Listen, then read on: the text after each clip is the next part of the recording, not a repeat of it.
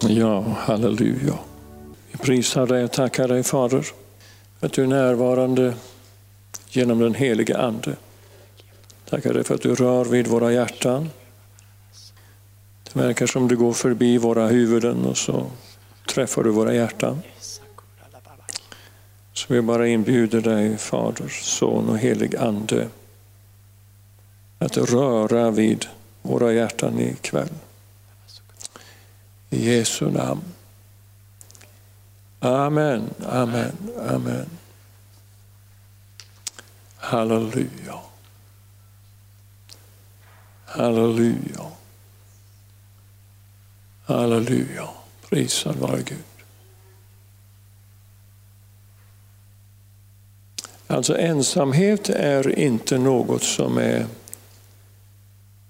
är ifrån Gud. Så ehm, jag tror att jag, jag behöver göra en, en, sak här i början.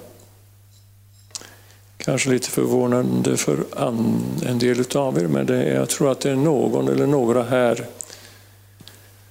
som upplever alltså en liten speciell typ av ensamhet och övergivenhet. Så i Jesu namn så binder jag dig makt av ensamhet. I kraft av namnet Jesus. Och jag sätter var och en fri. I namnet Jesus. Ifrån ensamhet. Bara befaller ensamhet gå. I Jesu namn. Bara prisa dig för gemenskap i den heliga Ande. Halleluja. Bara prisa och tacka dig. Heliga Ande att du är här. Halleluja. Det är några fler till som är glada över det. Så eh, slipper vi att sitta som öde öar. Utan vi eh, sitter som en kropp. Lämnar varandra till tjänst. Halleluja. Så underbart. Jag var i en församling en gång där jag fick tillfälle att säga någonting och de tyckte det var underbart. Och sedan nästa gång jag fick tillfälle att säga någonting så var det inte så underbart och till slut så kom det här talesättet, ja, honom släpper vi inte fram för man vet inte vad som kommer. Så eh, då var det slut med det då. Ja, Ann-Marie är lite förvånad men jag ska förklara för henne var det var någonstans. Ja, man vet aldrig vad som kommer. Jag vet inte vad du har förväntat dig ikväll, jag vet inte alls det. Men Gud har på något sätt i alla fall betonat någonting som jag egentligen inte har talat så mycket om och över. Fastän det är så, så eh, otroligt viktigt alltså. Så jag ska läsa lite Bibeln va? Så, så får vi se om, om vi kan komma fram någonstans. I Jesaja 50 så står det så här. Herren, Herren har givit mig en tunga med lärdom så att jag förstår att genom mina ord hugsvara den trötte. Han väcker var morgon mitt öra, han väcker det till att höra på lärjungars sätt. Speciellt den senare delen är ju ofta citerad. Va? Ja, Herren, Herren har öppnat mitt öra, jag har ej varit gensträvig. Jag tar den gamla översättningen. Jag har ej vikit tillbaka. Jag höll fram min rygg åt dem som slog mig och mina kinder åt dem som ryckte mig i skägget. Ja, det här har det försvunnit. Jag skyllde inte mitt ansikte mot smädelse och spott. Men Herren, Herren hjälper mig. Därför kände jag ej smädelsen. Därför gjorde jag min panna hård som sten. Jag visste ju att jag inte skulle komma på skam. Det är bra. Våldsamt bra det där. Halleluja. Den som dömer mig fri är nära. Vem vill då gå till rätta med mig? Må han träda fram jämte mig. Vem vill vara min anklagare? Må han komma hit till mig. Se Herren, Herren hjälper mig, vem vill då döma mig skyldig? Se, de ska allesammans falla sönder som en klädnad, mal ska förtära dem. ja, det var faktiskt en senare, eh, vers, en senare mm, meningen där som innehöll ett ord som eh, kom till mig, det var söndring. Eller falla sönder. Så jag ska tala lite grann om det. Och det är ju, det är ju inte så uppmuntrande. Men eh, ni kan väl vänta ett litet tag och vara lite tålmodiga så kommer, så kommer det där som har med Gud att göra. Fast det här hade med Gud att göra. Han, han lät det här ske alltså. På något sätt. Den rättfärdige fick gå fri men den orättfärdige blev utsatt för någon typ av straff. Då. Ja. I början på, på Bibeln så står det eh, att man ville göra sig ett namn. Och, och, den första då i första Mosebok 10, det var den här eh, Nimrod. Nu ska jag undervisa lite grann i det som kan, du kanske inte har hört någonting om förut, men okej, okay, låt, låt det vara så då. Han var den första som upprättade ett välde på jorden. I första Mosebok kapitel 10 så står det här. Han var en väldig jägare inför Herren, vers 9. Därför plägar man säga så är en väldig jägare inför Herren såsom Nimrod. Det här är ingen, inget um, stora A från Guds sida, utan det är snarast ett uh, våldsamt underkännande ifrån Guds sida. Alltså han var en väldig jägare inför Gud. Det betydde inte att Gud prisade honom och lovade honom och tyckte han var fantastisk. Utan det var någonting i honom som var precis tvärtom. I sig själv var han en väldig jägare. Då.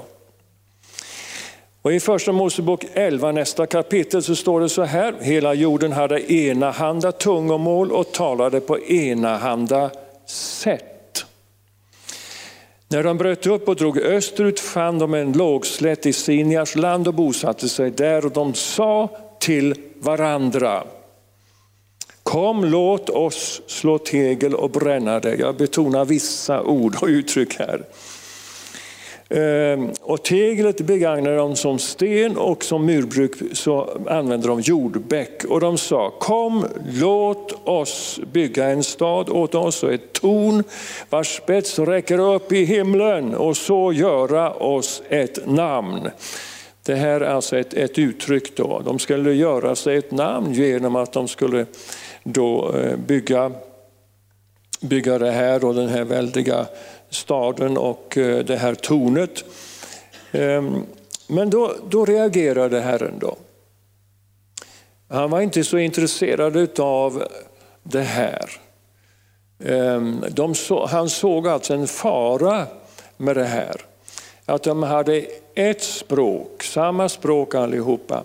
Och de hade eh, också ett enahanda sätt på vilket de talade. Det vill säga de var alltså, kan man säga, förenade på något sätt till ett. Och i den här föreningen till ett så, så reste de sig upp emot Gud. alltså. Och de, de gjorde alltså en maktstruktur utan Gud. Alltså människan här, här har ju en, en väldig, väldig förmåga inbyggd i sig och sluter man sig samman och blir då ett så blir det våldsamt illa för det mesta. Och Gud han sa så här. Se, de är ett enda folk och har alla enahanda tungomål. Och det här var det första tilltaget och härefter ska ingenting bli dem omöjligt vad de än beslutar sig för att göra varann. det var ett gammalt uttryck. Nåväl, låt oss stiga ner dit och förbistra deras tungomål så att den ene inte förstår den andres tungomål. Och så spred Herren dem därifrån ut över hela jorden. Och de måste upphöra att bygga alltså på staden och den staden fick namnet Babel.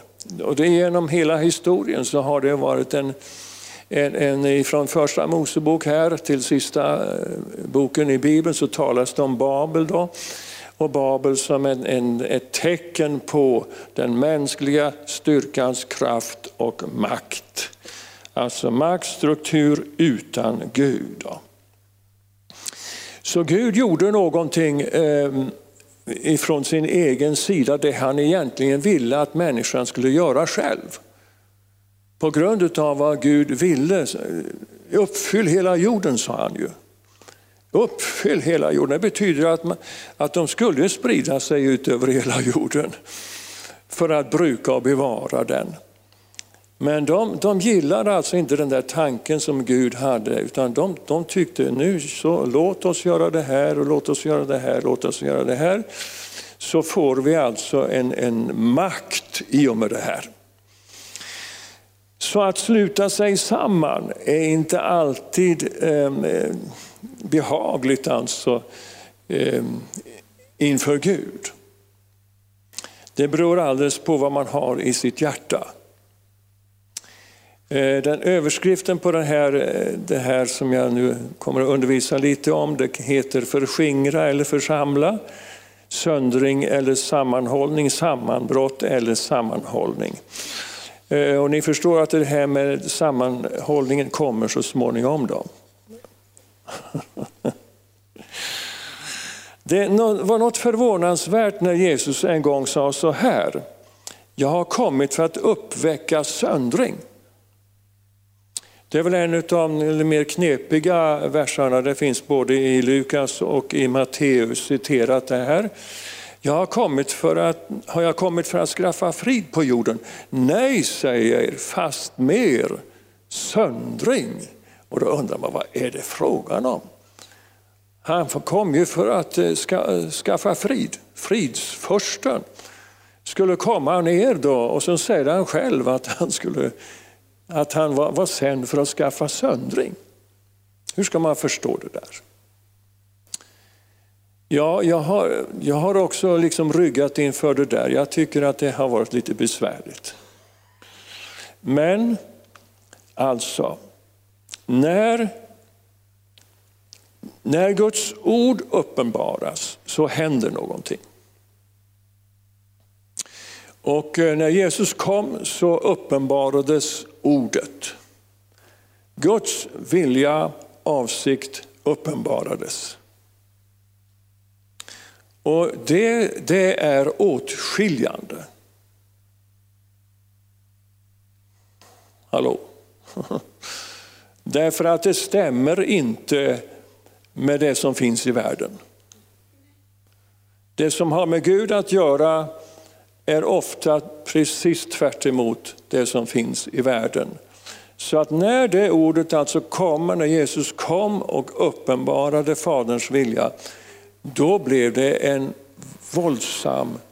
Eh, ja, vi, vi, vi, tycker alltså den gulliga Jesus och han samlade många människor, de blev botade och allihopa. Och så, de var lite fri. Han hade visserligen lite trubbel med fariseerna och de skriftlärde och sådär. Men vi förstår egentligen inte vad som hände då. För när ordet kommer så är det åtskiljande.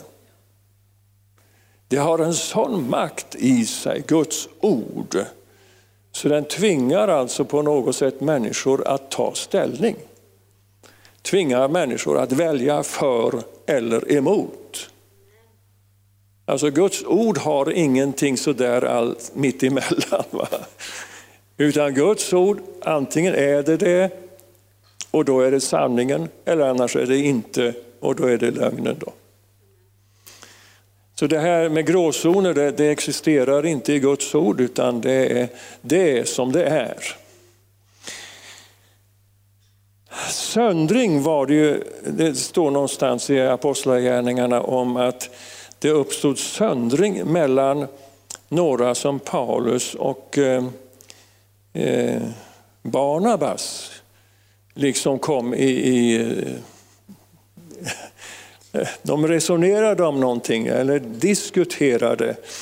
Och då uppstod det som, som då kallas, i alla fall i den gamla översättningen, för söndring. Det var någonting som inte stämde emellan Paulus och Barnabas och de som de pratade med. Då. Och det var så kraftfullt så att de, de eh, de åkte faktiskt till Jerusalem för att hämta eh, apostlarna och de som fanns så säga, där och de som bildade, kan man säga, Stora rådet inom väckelsen som var. Eh, för att de, de, skulle rådfråga dem då, hur var det med det här egentligen, det som de då bråkade om. Eh, har du bråkat med någon?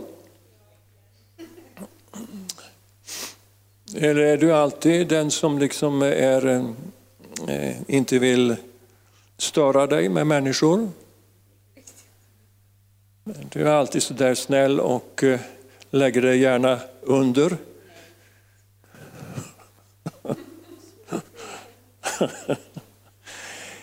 Ibland behöver man ju säga sanningen. Och då kan det alltså uppstå söndringar.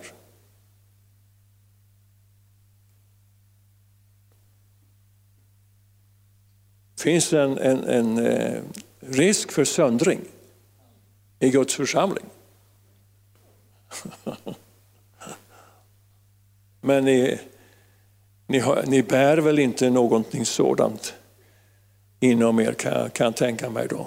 Men alla de andra, de, de, de kan man ju tänka sig att det är väl därför som Gud tar upp det här med, med att hålla samman och sådär.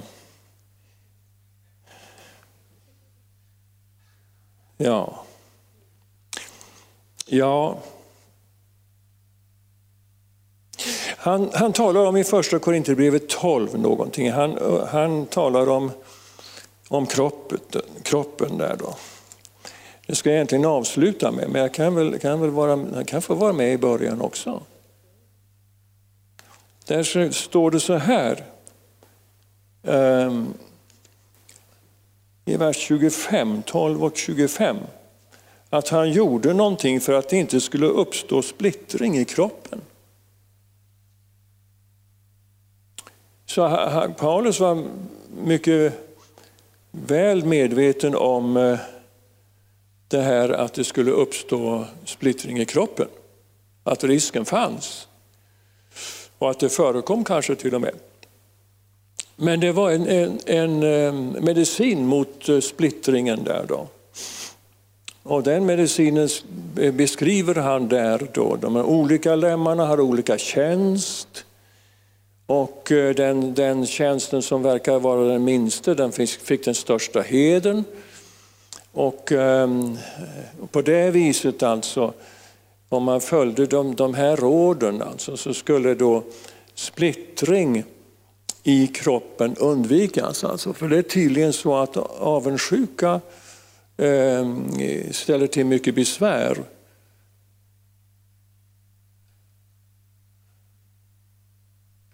Avundsjuka, missunnsamhet och jämförelser och och så. Det, är det ingen här som... Det så, men i alla fall, det, det är, när ni titt, ser det i alla fall, när ni, när ni förstår att det förekommer hos andra människor, då tycker ni inte om det i alla fall. Va? Och tycker nästan synd om människor som, som är avundsjuka och, eh, och när de jämför sig med andra så tycker de att, att, att eh, ja, de är och jag är. Och, och varför, varför är de så och varför är jag så?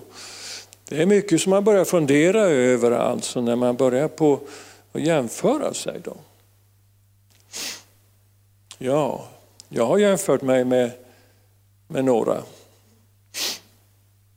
Ja, och när jag jämför mig med Ann-Marie så, så ser jag att jag kommer till korta på en del områden. Men jag är så otroligt tacksam alltså att jag är ett med henne då. Därför så lider jag inte brist på det som hon har. Halleluja. Ja. Och hon lider inte brist på det som då jag har. Och det var ungefär det som Gud säger då genom Paulus i det här med att eh, lämna varandra till tjänst. Och eh, att eh, äran ges alltså till, mera till de som som tycker att det är lite obetydligt. De har ju bara fått ett pund att förvalta och sådär. Ni vet det där tjafset med. med den jämförelsen. Tänk om man var, vore en fempundare. Wow! Då skulle ni se på grejer, då skulle ni verkligen få se att då, då kom jag ut på, eh, över hela världen och har stora kampanjer. Och tusentals människor blir frälsta och halleluja. Och sen lilla enpundaren, han går där i sin lilla kammare och ber till Gud. Och det händer faktiskt att den som är i kammaren och ber till Gud kan vara den som gör att den, den fempundaren som är ute och, och vinner tusentals med människor kan fungera. Ja, det är inte dumt. Halleluja. Ja, prisad vare Gud alltså. Gud vill inte alltså splittring, det kan vi konstatera. Utan han vill någonting helt annat. Han vill att vi håller samman. Och det där är ju så för, eh, fantastiskt alltså. Det bryter ju också det, bryter ju också det själviska. Det utmanar det själviska.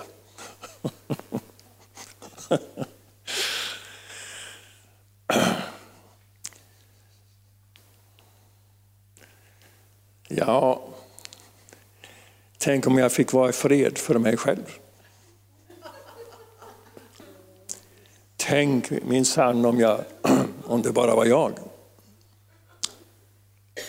Oh. Ja.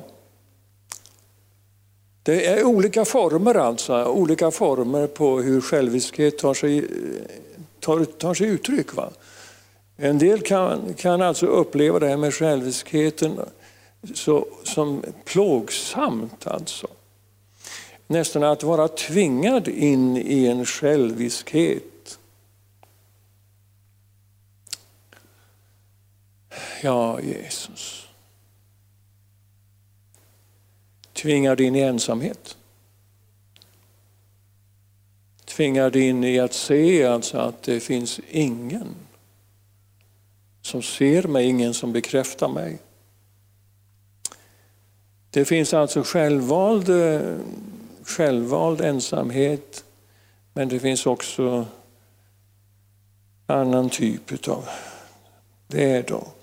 Men själviskheten, den är ju väldigt sällan utåtriktad. Ser inte andra då. Gud han är våldsamt utåtriktad. Han ser alla. Tänk om han kunde vara lite för sig själv ibland. Han ser ju precis vad jag gör, han, han hör precis vad jag säger och till och med vad jag tänker. Och, och till och med han läser mig, så han vet innan jag säger någonting därför att han känner mitt sätt att tänka, därför så vet han vad som kommer ut ur mun på mig. Oj, oj, oj, oj, oj. Jag var lite skrämd av det där förr. Jag skrämdes av alltså att Gud han avslöjar mig. då. Jag är den avslöjade. Äh. Är det någon av er som har tänkt så någon gång? Det är två stycken, ja okej. Okay. Då talar jag till er. Jag har, jag har blivit förändrad. Jag, jag älskar alltså att Gud ser mig. Det är det bästa som finns. Det är, det är våldsamt underbart alltså. Att han är med mig. Han har ju lovat att vara med mig alla dagar. Så han, ger mig ingen ro. Han är, han är han finns där hela tiden. For jag ytterst ut i havet, se så är du där. Halleluja. Ja, man kan göra sina försök ibland att bli oberoende av Gud. Han, han är envis, han, han håller sig fast vid den ändå. Alltså. Även om man vill ha, vara oberoende av honom. Konstigt att han övergav alltså inte Adam och Eva fastän de övergav honom. De ville vara oberoende av Gud Fadern. Men de slapp inte honom. Han bet sig envist fast. Han hade ett hopp. Han hade ett hopp. Apropå hopp. För mänskligheten. Han älskade mänskligheten. Han hade en tro också. För att eh, ordet skulle tas emot. Jesus skulle tas emot. Är du med mig? Halleluja. Därför så är så, alltså, han är suverän. Prisad vare Gud alltså. Oj, oj, oj, oj. Det talas om eh, det här med Saul. Att eh, Gud förvandlade hans sinne och gav honom ett annat hjärta. Alltså, det behöver, tror jag, då ske mirakler i mitt liv för att jag ska kunna börja se andra. Lägga märke till andra och förstå andra människor. För när Gud ser en annan människa, då förstår han den människan fullkomligt. Och han vet precis vad den människan behöver. Han vet precis vad du behöver ikväll. Och han är här för att möta ditt behov. Halleluja. Saul behövde någonting. Han behövde alltså ett annat sinne. Och han behövde ett annat hjärta för att han skulle kunna tjäna som kung. Så Gud utrustade honom med det. Det var till och med så att de blev förvånade över att han, han profeterade. Han, han kom nämligen i kontakt med profeter där. Och så började han också, inspirerad med ett öppet hjärta som Gud då hade gett honom, så började han profetera. Han började alltså leva ut någonting som, som egentligen inte var han. Av naturen. Va? För av naturen så höll han sig undan. Man fick liksom dra, Gud fick dra fram honom på något sätt. Och så ge honom ett nytt hjärta och ett nytt sinne för att han skulle bli kapabel till att, att se andra människor och öppna sig mot andra människor, kunna betjäna andra människor. För en kung, han är ju till för att betjäna människor, eller hur? Eller? Är man kung bara för att kunna ha lite kul? Lite dyra bilar och sådär? Nej, men en kung är väl, är väl i högsta grad någon som är till för att betjäna människor. Ja. Vi är ju kungar och präster. Eller hur? Så vi är i hög grad till för att tjäna människor. Prisa Så här sitter ju massor med kungar och präster här. Som är till för att tjäna Gud. Ja. Och då finns det någonting i det här som, som gör alltså att vi har någonting tillsammans och vi är någonting tillsammans. Ja, prisad vare Herren. Åh, halleluja. Paulus han, han hade en han hade en eh, son kan man säga. Han hade ingen av samma sinne som han, står det, och ingen av så uppriktigt hjärta som kommer att ha omsorg om er. Beskriver han. Det måste vara Timoteus det va? Alltså är någon som tjänade i samma anda som Paulus. Det måste vara helt underbart alltså. Att ha någon som var precis i samklang med sig och kunna tjäna då tillsammans. Det är fantastiskt alltså. Det, det är um, utmanande att tjäna tillsammans. Därför att ehm, det är ofta i tjänst tillsammans som man blir utsatt för olika typer av prövningar. Och man kan ibland inte förstå vad som händer när man är ute tillsammans med några och tjänar Gud. Många vittnesbörd i team som har varit utsända från den här församlingen där det har kraschat för flera människor. De har inte förstått vad som har hänt i, i tjänsten och att vara tillsammans på det där sättet. Alltså att vara i team, det är, det är ju att kunna vara i kroppen och tjäna tillsammans i en kropp kan man säga. I ett ja, litet sammanhang då, eller större. Och då, då eh, kommer ju vissa prövningar i ett sådant sammanhang. Och då kan det antingen stärka gemenskapen, sammanhållningen, eller annars, annars så kan alltså splittring uppstå.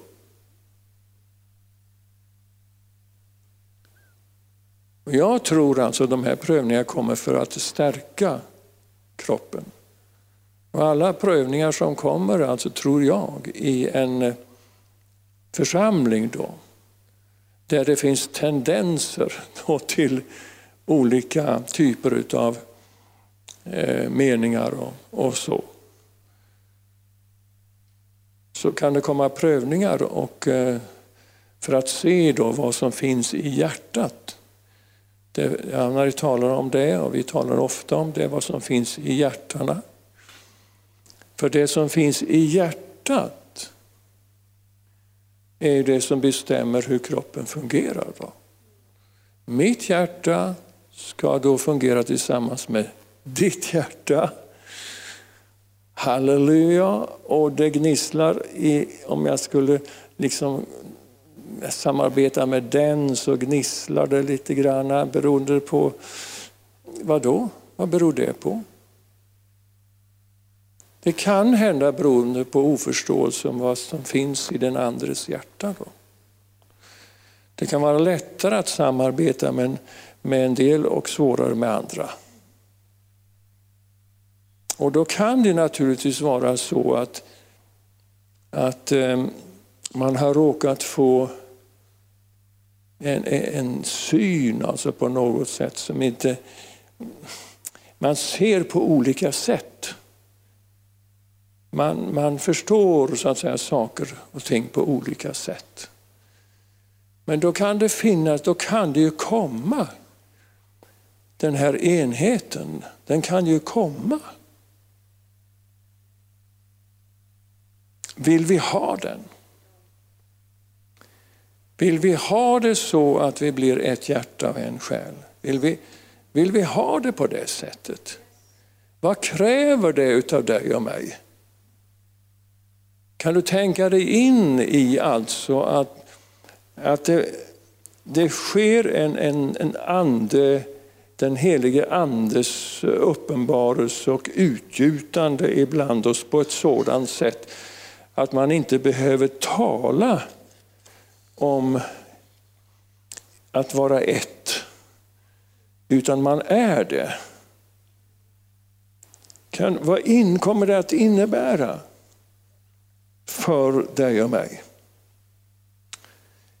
Kommer det innebära alltså att vi får göra upp med saker och ting i våra liv? Vill vi ha det här som har med enhet att göra? Det här, det här har talats om, och jag har, nog, jag har nog pratat om det förut. Men frågan är om, om vi är beredda på att ta emot det här. Därför det kommer alltså att drabba vår själviskhet. Det kommer att drabba alltså våra egna intressen. Det kommer att drabba vårt eget.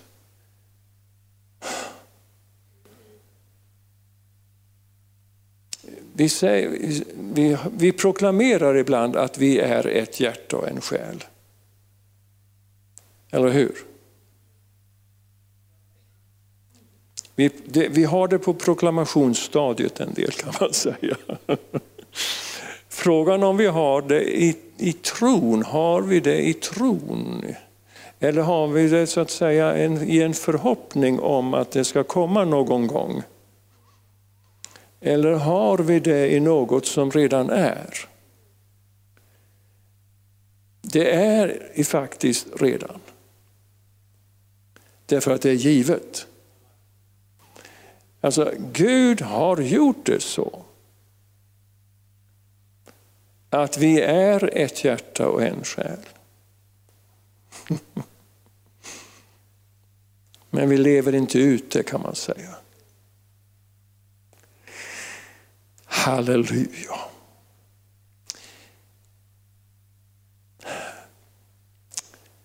I Filipperbrevet 1 så står det bland annat så här. För bara en sån vandel som är värdig Kristi evangelium så att jag, vare sig jag kommer och besöker er eller förblir frånvarande, får höra om er att ni står fasta i en och samma ande och endräktigt kämpar tillsammans för tron på evangelium. Det här är alltså en önskan ifrån, ifrån eh, Paulus sida. Och jag tror att det i våra hjärtan finns en sådan önskan. Att vara endräktiga, det vill säga vi är klädda i samma kläder. Har en dräkt. Och då, då naturligtvis då ställs det då utmaningar på det som vi har för oss i våra sinnen. För i våra sinnen så har vi vissa tankar om, om varandra, eller hur? Och då om vi ska vara ett så passar inte det där som vi har i våra sinnen. Ibland. Om man ska vara riktigt ärlig, men det kanske man ska vara.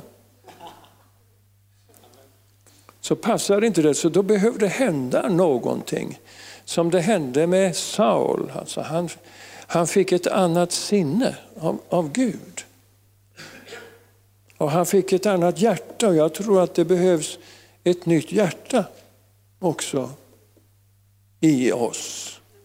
För att vi ska kunna få del av verkligheten bakom att vara ett hjärta och en själ. Han behöver alltså ge oss samma hjärta. Och samma sinnelag.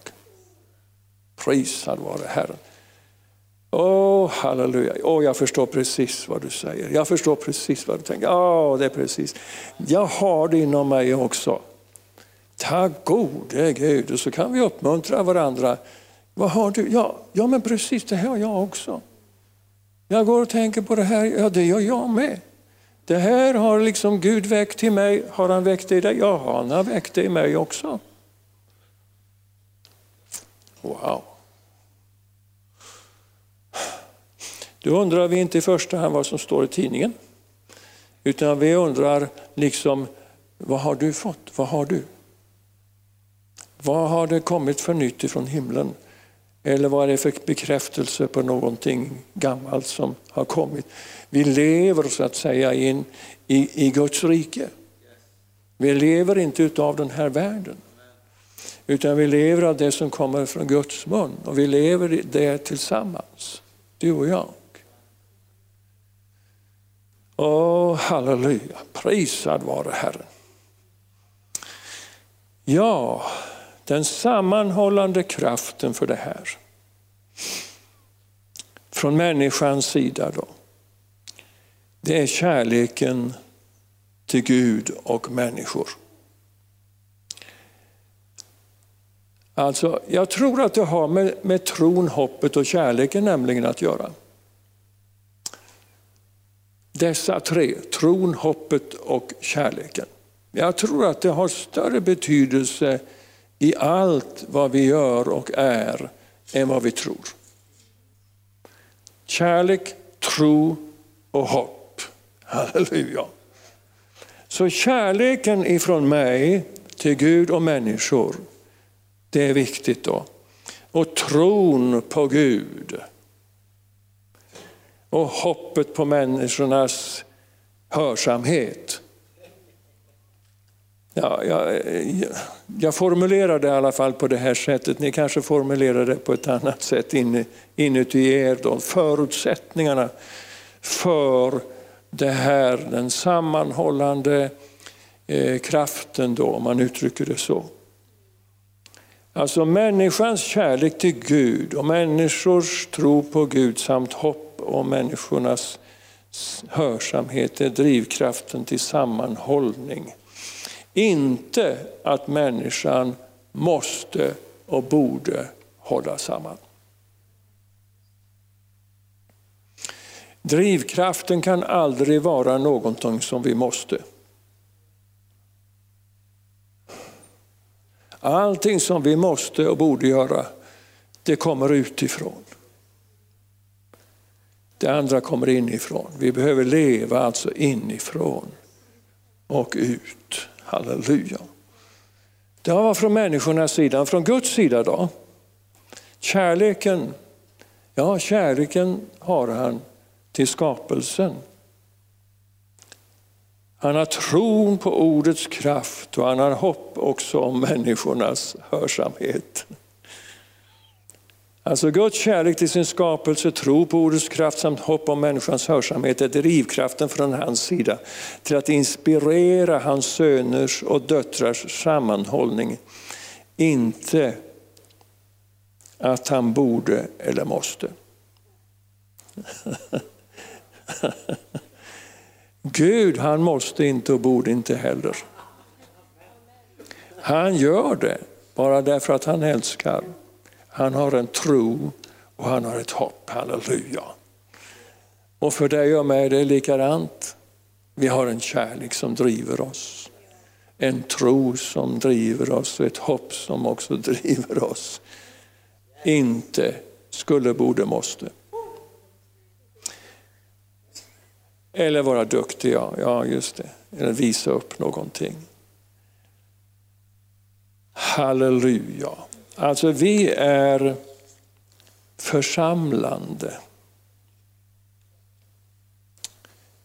Djävulen han förskingrar. Men vi Guds folk, vi församlar och församlas. Ja.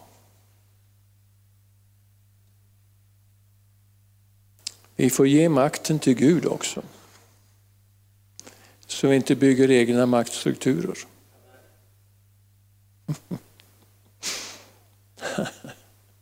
Halleluja.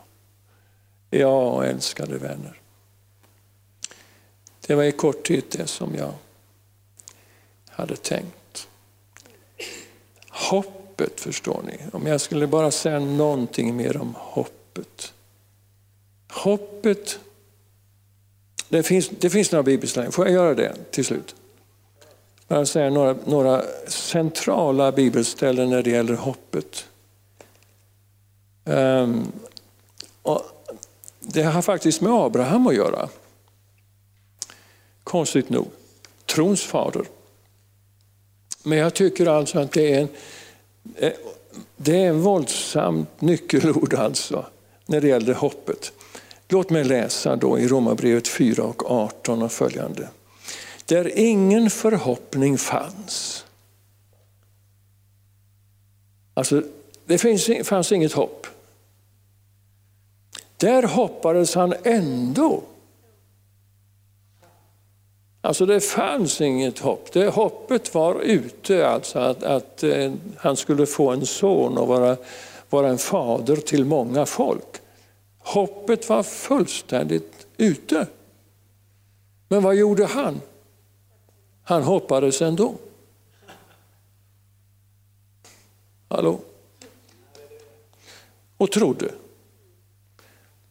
Och han kunde så bli, på det sättet alltså.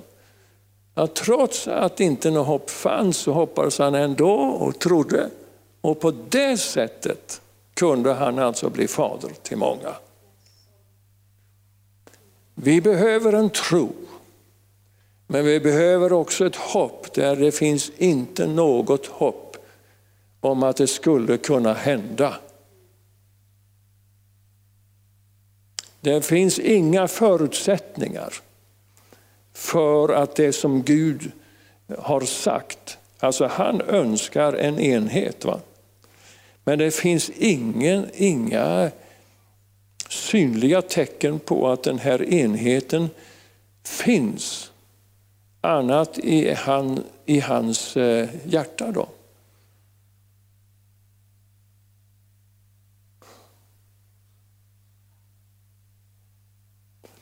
Vår enhet, enheten i, i den här kroppen, församlingens kropp och i den församling som ni, ni tillhör, Guds rike. Alltså det finns då i hans hjärta, hoppet finns där. Och även om vi inte ser något hopp, alltså, vi, vi ser alltså att det, det är fullständigt omöjligt. Alltså. Hur ska jag kunna koppla ihop med, med de som finns i den här församlingen? Mänskligt sett är det fullkomligt hopplöst. Alltså förutsättningarna mänskligt sätt, det finns inte för den här enheten.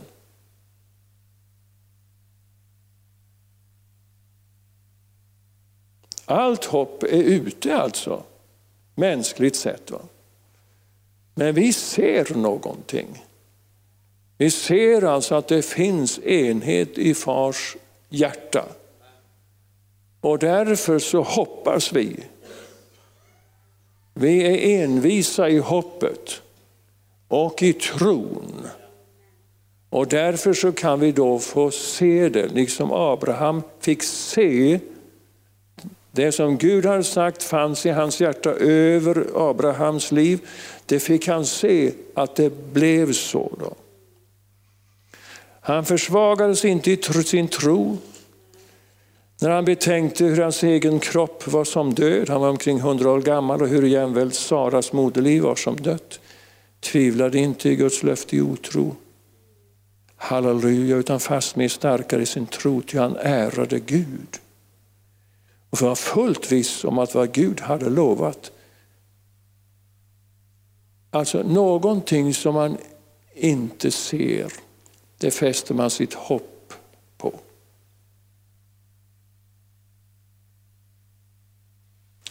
Får man syn på det i Guds hjärta, då formas en tro.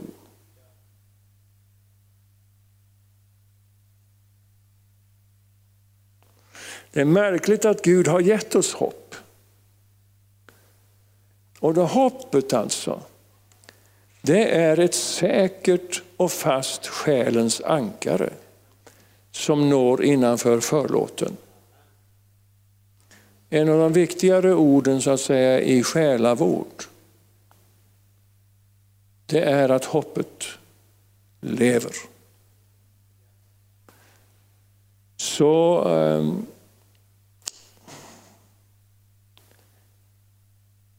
även om allt hopp är ute när det gäller vad Gud har sagt till dig och vad du har tagit emot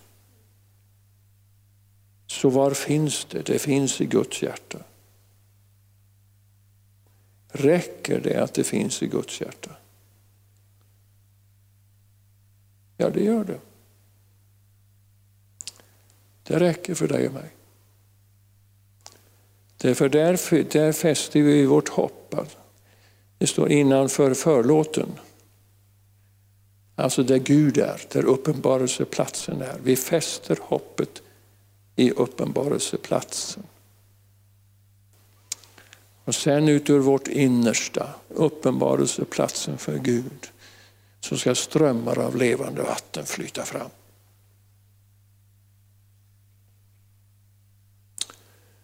Halleluja. Halleluja. Strömmar av levande vatten ska flyta fram ur vårt innersta. Och då kommer det att drabba min själ först och främst. Har du tänkt på det? Om det ska strömma fram ur mitt innersta så är min själ där, eller hur? Och får del av den välsignelsen.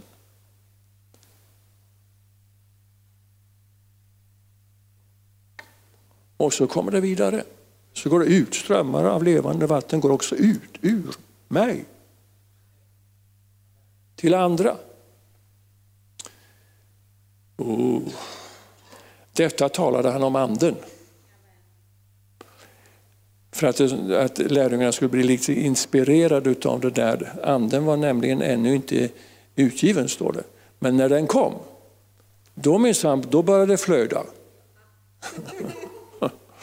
Den börjar flöda i lärjungarna, men också ut ur lärjungarna. Så människor runt omkring hörde och blev förvånade. Vad, vad är det som händer? Ja, vad är det som händer när den helige Ande kommer? Han berör våra hjärtan, vår själ. Du och jag blir berörda av samma ande, eller hur? På likartat sätt. Där har du enhet. Halleluja. Prisad vare Herren. Och så får andra människor se också den här strömmen som går ut ur, ur våra liv. Halleluja. Och så blir de förundrade. De ser kärleken som finns. Ja, prisad vare Herren. Alltså hoppet är, är själavårdande kan man säga. Har du fått tag på det? ja, älskade vän. Nu, ska vi eh, prisa Herren och eh, vi, vi ska be också. Fader, jag tackar dig för att du du talar ditt ord, du öppnar ditt hjärta, du visar vad som finns i ditt hjärta Fader. Vi tror och hoppas och tar emot det som finns i ditt hjärta Fader. Därför att du vill ge allt vad som finns i ditt hjärta, det vill du ge. Halleluja. Och du söker efter människor som vill ta emot det. Och du är så angelägen Fader om att beskriva vem du är och vad du har. Jag tackar dig Fader för att vi ska se mer av det. Föda en, en längtan efter att få, få ta emot det. Så nu tar vi emot det. Halleluja. Och vi bara tar emot det som kommer ifrån himlen. Vad än du har behovet av så kom fram, ska jag bara, några till kanske också, lägga händerna på dig så får du ta emot det som kommer ifrån himlen. Behöver du mer hopp så ta emot det. Behöver du mer uppenbarelse av vad som, är, vad som är i det här med att vara ett hjärta och en själ, så ta emot det. Ta emot en uppenbarelse du behöver, ta emot en beröring till din själ som du behöver, eller din kropp. Du finns med hela dig i fars hjärta. Halleluja. Så allt det han är och har, det vill han ge till dig. Så välkommen i Jesu namn. Halleluja, jag ber om uppenbarelse hos mina vänner här. Så att de i tro kan ta emot det som de hoppas på. Att verkligheten utav ditt liv och din nåd och din kärlek ska bara bli, bli uppenbarad. Halleluja när du gav ditt liv för oss så fick vi del alltså av det eviga livet. Oh, halleluja. Prisad vare Herren, halleluja. Oh, halleluja. Bara förvänta er ifrån från Far i himlen. Bara förvänta er ifrån Far i himlen. Halleluja. Koros ardementerias. Och han har sitt hjärta öppet för dig. Han har sitt hjärta öppet för dig. Komma han där i vassentendea. Halleluja, tackar för mötesvärdarna som får en lång promenad här. Halleluja prisar dig och lovar dig